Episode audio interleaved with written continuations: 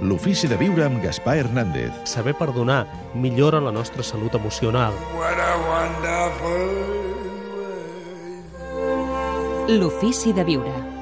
Un programa sobre conducta humana.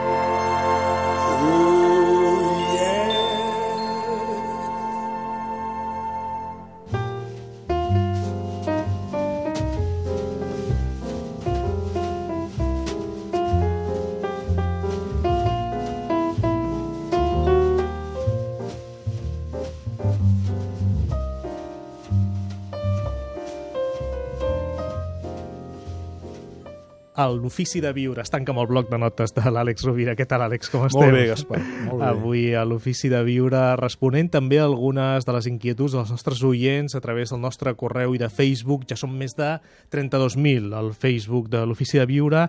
Hi ha oients que es consideren uns cercadors espirituals i que ens diuen que han fet molts tallers i diuen i, fi, i no sé quan acabar, i al final què, no? Perquè és com una acumulació no només de coneixements, sinó també d'experiències. No sé si l'Àlex aquí té alguna cosa a dir.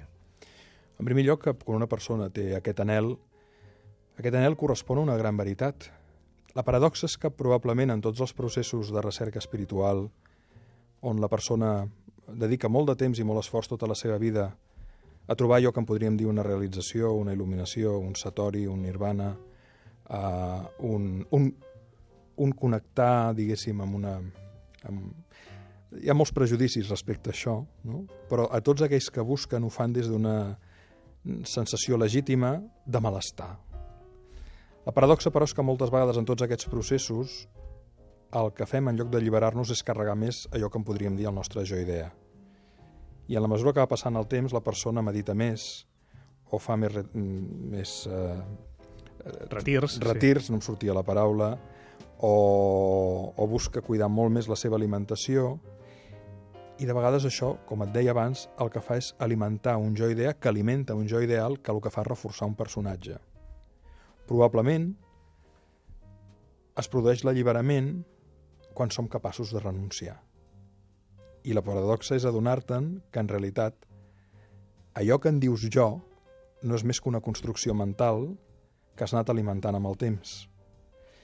La imitació en aquest, en aquest, en aquest cas seria senzilla i això ens donaria lloc a un programa sencer, probablement, o a molts programes, és què passaria si acceptessis que això que estàs buscant és una il·lusió, que això que en dius la realització d'un jo no és més que inflar un personatge, i connectéssim amb allò que ja és.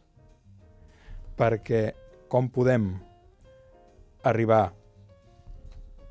a quelcom que cada cop estem inflant més si no és per la pura implosió d'aquest personatge.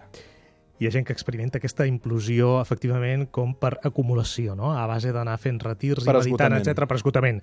Com I llavors se n'adonen de que sempre han estat en allò que buscaven, Clar, que és allò que hi ha ara aquí.